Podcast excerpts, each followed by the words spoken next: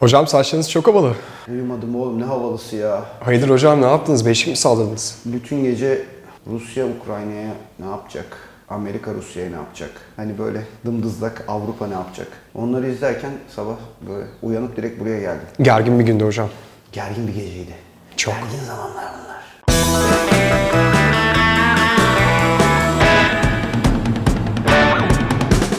Haydi Sor Sorun yeni bölümünde sevgili doçent doktor Oğuz Zemin'le birlikteyiz. Hocam hoş geldiniz. Nasılsınız? Hoş bulduk Duvar. Ben iyiyim de valla Ukraynalı kardeşlerimiz pek iyi değil. Bu dün gece çok zor bir gece geçirdiler. Evet on hocam, çok. geliyordu böyle bir cisim yaklaşıyor şeklinde. Ben biliyorsun bir yıl Rusya'da yaşadım. Yani Evet hocam. bir üniversitede çalıştım. Onu söylüyorum hep. Yani e, Putin'in e, attığı her adımın ne kadar planlı olduğunu görecek kadar uzun orada yaşamamış olabilirim ama bunu öğrenecek kadar uzun bir süreydi bir yıl. Yani çok enteresan bir yer Rusya tabii. Ve Putin çok güçlü. Ama bir taraftan da şu var. Tabii yani bir e, yaptırım tartışması var. İşte dün Luhansk ve Donetsk bölgelerine e, Rusya işte ben orayı bağımsız bölge olarak tanıyorum dedikten sonra bağımsız bölge olarak tanıyorum dediği şu. Kırım gibi yani aslında ben oraya çöküyorum dedi. E, kendi askeri güçlerini yerleştirmeye başladı falan. E, bunu söyledikten sonra tabii yani çok karmaşık bir ortam oluştu. Çünkü bu beklenmiyordu. Şimdi bunun karşılığında Amerika'nın yaptığı ilk gelen tepki çok komikti. Luhansk ve Donetsk bölgesindeki yatırımları, ticareti ve finansı hemen yaptırıma uğratan bir kararname imzaladı Biden. Yani hani ne bileyim hiç, hiç imzalamasa mıydı? Çünkü Dün akşam ben işte Amerikalıların bir iki tartışmasını dinledim Twitter'da falan. Yani neden böyle bir şey yaptı diye onların da kafası karışmıştı. Çünkü orada zaten Amerikalıların çok bir yatırımı yok. Zaten orası ayrılıkçı bir bölge. Benim mesela Rusya'da bir arkadaşım vardı Duvar. E, beraber çalışıyorduk üniversitede. O bölgeden. Yani o orada doğmuş, büyümüş. Sonra bu çatışmalar çıkmaya başlayınca Rusya'ya kaçmış. Yani oranın yarısı kendini Rusya vatandaşı görmek istiyor. Yarısı Ukraynalı olduğunu düşünüyor. O yüzden o çatışmalar ama Putin dediğim gibi çok bütün bunların arka planını yaptı. Pandemi de işine yaradı ama her savaşta olduğu gibi bu yaptırımlar eğer ciddi bir seviyeye gelirse 2014 yılında 1 dolar e, Mayıs-Haziran 2014'te 32 rubleydi. Sene sonuna gelindiğinde milyarlarca dolar rezerv yapmasına rağmen yani satış yaptı. Deli gibi do- şey sattı, dolar sattı, ruble aldı. Yetmedi. 1 dolar 70 rubleye kadar çıktı. Yani Rus para birimi 6 ayda %100 yani iki katına kadar değer kaybetmiş oldu. Şimdi aynı benzer bir durum ortaya çıkarsa bu Rusya'nın içerisinde hali hazırda zaten enflasyonun da yüksek seyrettiği bir dönemde daha büyük sıkıntı demek bir. Yani sadece işin evet enerji tarafını, gıda tarafını Hepsine geleceğiz işte hocam. konuşuyoruz ama yani bir de Rusya'nın içerisinde ne olacak ve vatandaş Rusya Federasyonu vatandaşları bu durumdan ne kadar rahatsız olacak bunu da konuşmak lazım. Hocam şimdi tabii Rusya'nın dün gece yaptığı açıklamanın ardından piyasalarda ciddi bir hareket oldu. Kripto para dünyası şu an yerlerde. Aynı zamanda hemen konuşmamız gereken bir başka noktada doğalgaz. Dün yapılan açıklamanın sonuçları ekonomik olarak nasıl yansıtacak sizce? Şimdi bir kere dünyaya önce nasıl yansıyacağına bakalım. Yani dünyada finansal piyasalarda bir dalgalanma olacağı, yani oluyordu zaten bir süredir ama iş çok ciddiye bindi. Şu anda Putin hamlesini yaptı. Şimdi artık karşı tarafın hamlesini bekliyor. Yani dedi ki ben bir adım daha ileri gittim. Şimdi öbür taraf bir adım daha ileri gelecek mi? Ya da o adımın büyüklüğü ne kadar olacak? Ukrayna arada kaldı. Sıkıştı yani şu anda. Benim tahminim şöyle olacak. Yani bu iş böyle bir kısa çatışmalar, küçük çatışmalar bölgede. Ardından bir dizi yaptırımlar. E, o yaptırımlar Putin'i çok acıtmayacak ama Donetsk ve Luhansk yani o bölge Donbas bölgesindeki o iki tane yeri de Kırım gibi Rusya kendi içine katmış olacak ve iş böyle bir sakinleyecek. Yani bu bir iki aylık süreç içerisinde. Eğer bu tahminim gerçekleşirse bir miktar daha normalleşmeye dönebiliriz. Yani petrol fiyatlarında, altında, işte bitcoin'de, diğer yatırım araçlarında, borsalarda bir miktar normalleşme başlayabilir. Ama uzun sürer ve gerçekten buradan sert bir adım gelir, çatışma boyutu artarsa ben bu benim için yani daha düşük ihtimalli senaryo. O zaman hani daha başka bir dünyayı konuşmamız e, söz konusu olabilir duvar. Ama şu an pek de bana hani böyle uzayacak bir süreçmiş gibi gelmiyor. Putin dediğim gibi yani içeride de bir tepki oluşacak. Şimdi bak ben sana bir tane olay anlatayım. Rusya'da konuşuyorduk arkadaşlarla ben oradayken işte 2014'e falan döndüğümüz zaman ya bizim en çok canımızı sıkan şey diyordu işte oradaki kadın arkadaşlar. Kozmetik ambar- ambargosu diyordu. İşte erkek arkadaşlarla konuşuyorduk. Yani fiyatlar çok artmış oldu. O dönemde kiralar arttı. Geçim yani Türkiye'de yaşadığımız süreci düşün. Geçim çok zorlaştı. Biz bundan rahatsız oluyoruz diyorlardı. Şimdi aynı şey bugün de gerçekleşiyor. Yani ruble 60 e, 1 dolar 60 ruble civarındaydı. Bugün itibariyle 75'lere falan geldi. Yani bu daha da yukarı giderse, kısıtlamalar gelirse e, bu kısıtlamalara karşı içeride de bir hoşnutsuzluk Rusya'nın içerisinde de olacak. O yüzden Ruslar açısından da süreci uzatmak çok mantıklı gelmeyebilir. Bir şey daha ekleyeyim bütün bunların üzerine. Yaptırımlara aslında Rusya 2014'te karşılaştıktan sonra 2014'teki süreçte hazırlık yapmıştı. Mesela ödeme sistemlerinden çıkarılması gündemdeydi. Bugün gene aynı şey konuşuluyor.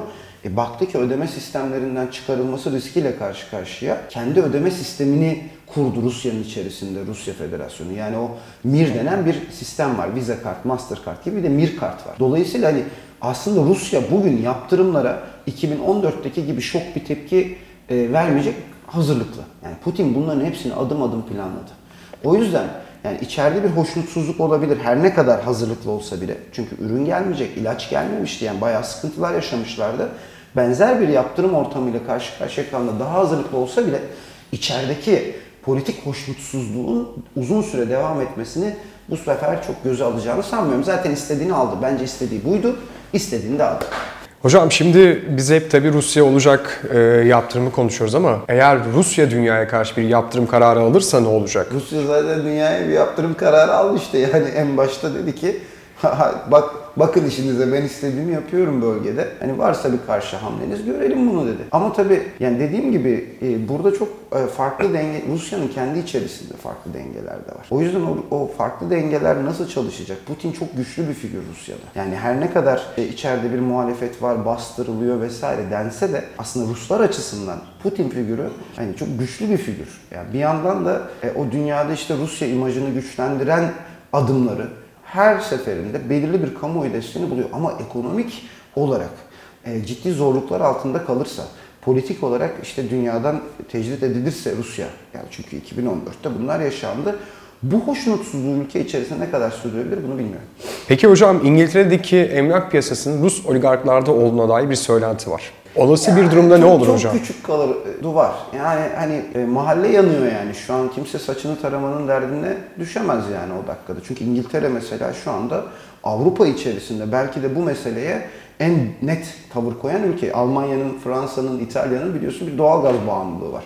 İngilizler daha sert ve dik duruyor. Daha Amerika gibi duruyorlar o süreçte. O yüzden yani onlar o tip yaptırımları uygulayıp hani arkalarına da bakmadan devam edebilirler. Çünkü mahalle yangına gidecek eğer iş çok sertleşirse. O yüzden herkes şu anda e, pozisyonunu güçlü bir şekilde almaya çalışıyor. Yani arkasında duramayacağı bir pozisyon almak istemez. Peki hocam e, geçtiğimiz günlerde ilk Cemre düştü, havalar ısınıyor, bahar geliyor, Ha bak, aşklar, bu böcekler. Aşklar, böcekler, kuşlar bahara doğru gidiyoruz diyorsun da. Gidiyoruz hocam. İşte bu bahara böyle bir savaş ortamında giriyoruz. Bak sana bir şey söyleyeyim. Turizm ne olur hocam? Bugünün manşetini atayım. Petrol fiyatları 98 doları gördü. Dolar TL uzun bir süre sonra 13.80'leri gördü. 13.75'lerdeydi biz bunu yaparken.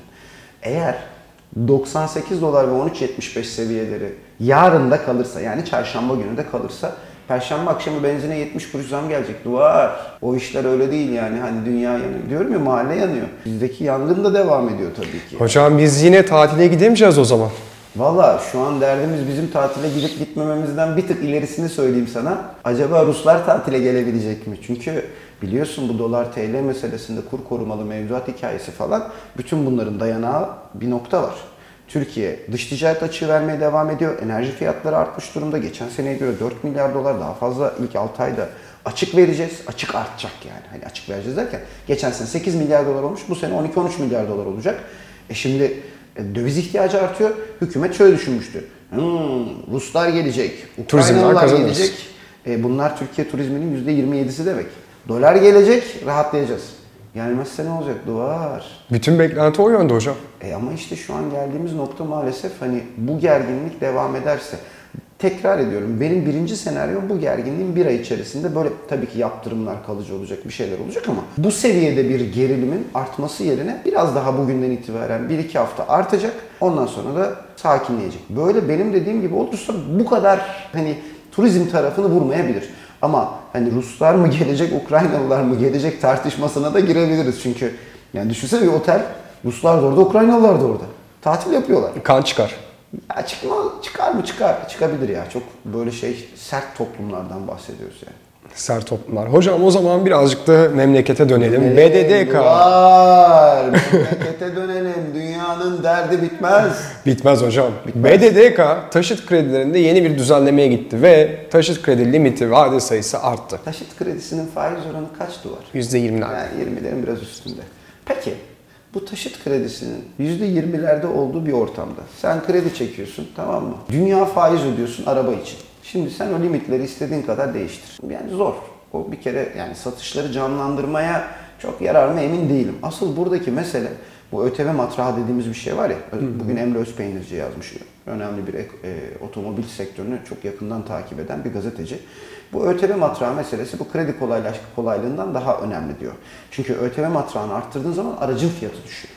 Aracın fiyatı düşünce senin ihtiyaç duyduğun kredi miktarı ve dolayısıyla ödeyeceğin faiz düşüyor. Yani bunu yaptıkları zaman belki sektör rahatlayabilir demiş. Şimdi oradan hareketle şunu söyleyebilirim. Yani bu değişiklik evet bir miktar piyasa canlansın diye yapılmış ama asıl tüketicinin gözü o ÖTV matrahlarında. Yani fiyatların bir miktar düşmesinde. Çünkü şu an bu faiz oranlarıyla birileri zaten hayat bu kadar pahalılanmışken yani işi götürmek çok kolay değil. O hareket sektörü canlandırmak çok kolay değil. Hocam geçtiğimiz hafta KDV'yi konuştuk. Bu bir hafta geçti. ÖTV'yi, haftaya da bilmem ne vergisini. Hep vergileri konuşuyoruz hocam da KDV çok sanki sokağa yansımamış gibi. Nasıl Yans- görüyorsunuz e, hocam? Maliyetler artmaya devam ediyor duvar. Nasıl yansısın? Yani gidiyorsun işte adam diyor ki tamam ben indireyim ben KDV'yi. Ama hatta kendim de indirim yapayım. Ama benim aldığım malın fiyatının ucuzlaması lazım ki ben bunu indireyim size diyor. E şimdi bir yılda baktığın zaman bak tarım girdileri fiyat endeksi. Yani tarımsal üretim yapan adamın maliyeti TÜİK'e göre %96 artmış. Ya böyle bir rakam var mı? Hocam rakamlarda eminsiniz değil mi? Sonra Allah muhafaza. Eminim. Ha. Ha. şey diyorsun. Şu milletvekili, grup başkan vekili. Ya neler yaşıyoruz biz ya? ben bak şimdi ben bir dinledim. Dedim bir dakika burada bir sıkıntı var ama Kübra Pardo uyarıyor ya. Bir daha dinledim. Tabii. Bir daha dinledim. Hocam ne kadar Dördüncü- dinlersiniz deyin dördüncü olmuyor. dinlemede hak verdi. Ha ikna oldunuz yani rakamlara. yani yüzde yedi artınca 100 liralık mal 700 lira oluyor. Yani dördüncü dinlemede oldu. İkna Yani- oldunuz hocam. Evet yani düşünsene bunu dört kere dinleyince matematik bilgin değişiyor. Sonra okula gittim. Ne kadar zam vermişler bana baktım. İşte atıyorum yüzde 25 zam vermişler. Oo dedim. Sonra bankaya gittim. Hani 100 liralık maaşımın normalde 2500 olması gerekiyor hesap.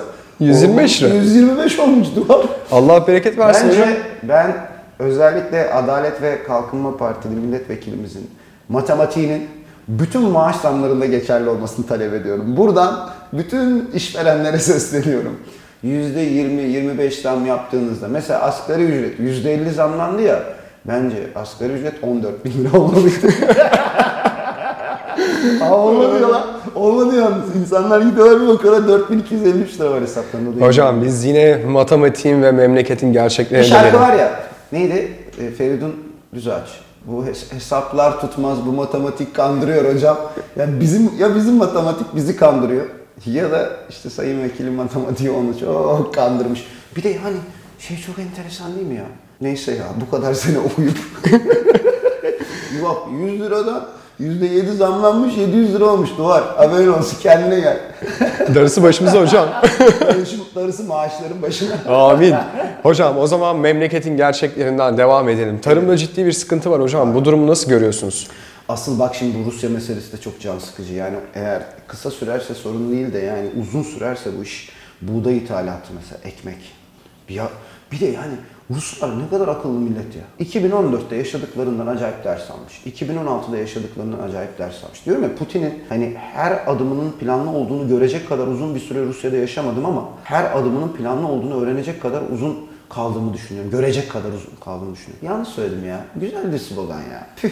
Vallahi hocam etkili bir cümleydi aslında. Evet ya işte Putin akıllı bir adam tamam mı? Ne yani? Bunu söyleyeyim. Ama bak Avrupa'yı enerjiden bağlamış. Tamam mı? Bizi turizmden, e, tarımdan bağlamış. Ya domates satıyorduk biz 2016'ya kadar biliyorsun. Sonra da satmaya devam Evet ettik ama. küçük bir kriz oldu ama devam ettik. Kafkas bölgesine, oralardaki topraklarına, Rostov, Mostov işte bizim bu tarafa yakın. Domates ekim sahası ilan etti adam ya. Yani Türkiye ile bir sıkıntı yaşarsam Türkiye'nin domatesine, meyvesine, sebzesine ihtiyaç duymayayım diye elinde mümkün olabilen her şeyi kendi başına tedarik edebilecek bir alan yarattı. Oradan döndü bize satmaya başladı olmadan. Yani şimdi düşünsene hiçbir yaptırımın şey yok, karşılığı yok bizim gibi ülkelerin. Çünkü sen ona muhtaç hale gelmişsin birçok üründe, temel üründe. Ha kim baş, kim yaptırımlarda başarılı olabilir? İşte yüksek teknoloji mal satan. Mesela dün yarı iletken e, ambargosundan bahsetti. Bizi bağlamıyor çünkü biz zaten yarı iletken üretemiyoruz anladın mı? Hani yani Amerikalı'nın hikayesi bu. Ama yani e, o kadar uyanık, o kadar e, planlı ve programlı gidiyor ki her şeyi böyle satranç tahtasında böyle dizmiş ve öyle oynuyor. E, ve tek başına, yani tek başına karar veriyor. Öbür tarafta organize bir durum yok. Gene Rusya'ya döndüm ya, duvar. Hocam tarım ve ekonomi ya. Evet bu- Rusya'ya dönüyor. sıkıntılarından biri de bu. Yani bu sene bir belki bir Moskova'ya gideriz, 2-3 gün kalırız diyordum. Şimdi yani bu gerginlikte zor be. Tüh, şimdi bir de Türk lirası da değer kaybedecek. Yine hayal oldu anlayacaksın. Hakkımızda hayırlısı hocam. Hayırlısı olsun. Hocam son soru. Ya dur bir dakika ya. Sor hadi sor. Hocam hafta yine burada mıyız? Haftaya yine buradayız. Sorular nereye hocam? Haydi sor sor. Teşekkürler hocam. Eyvallah.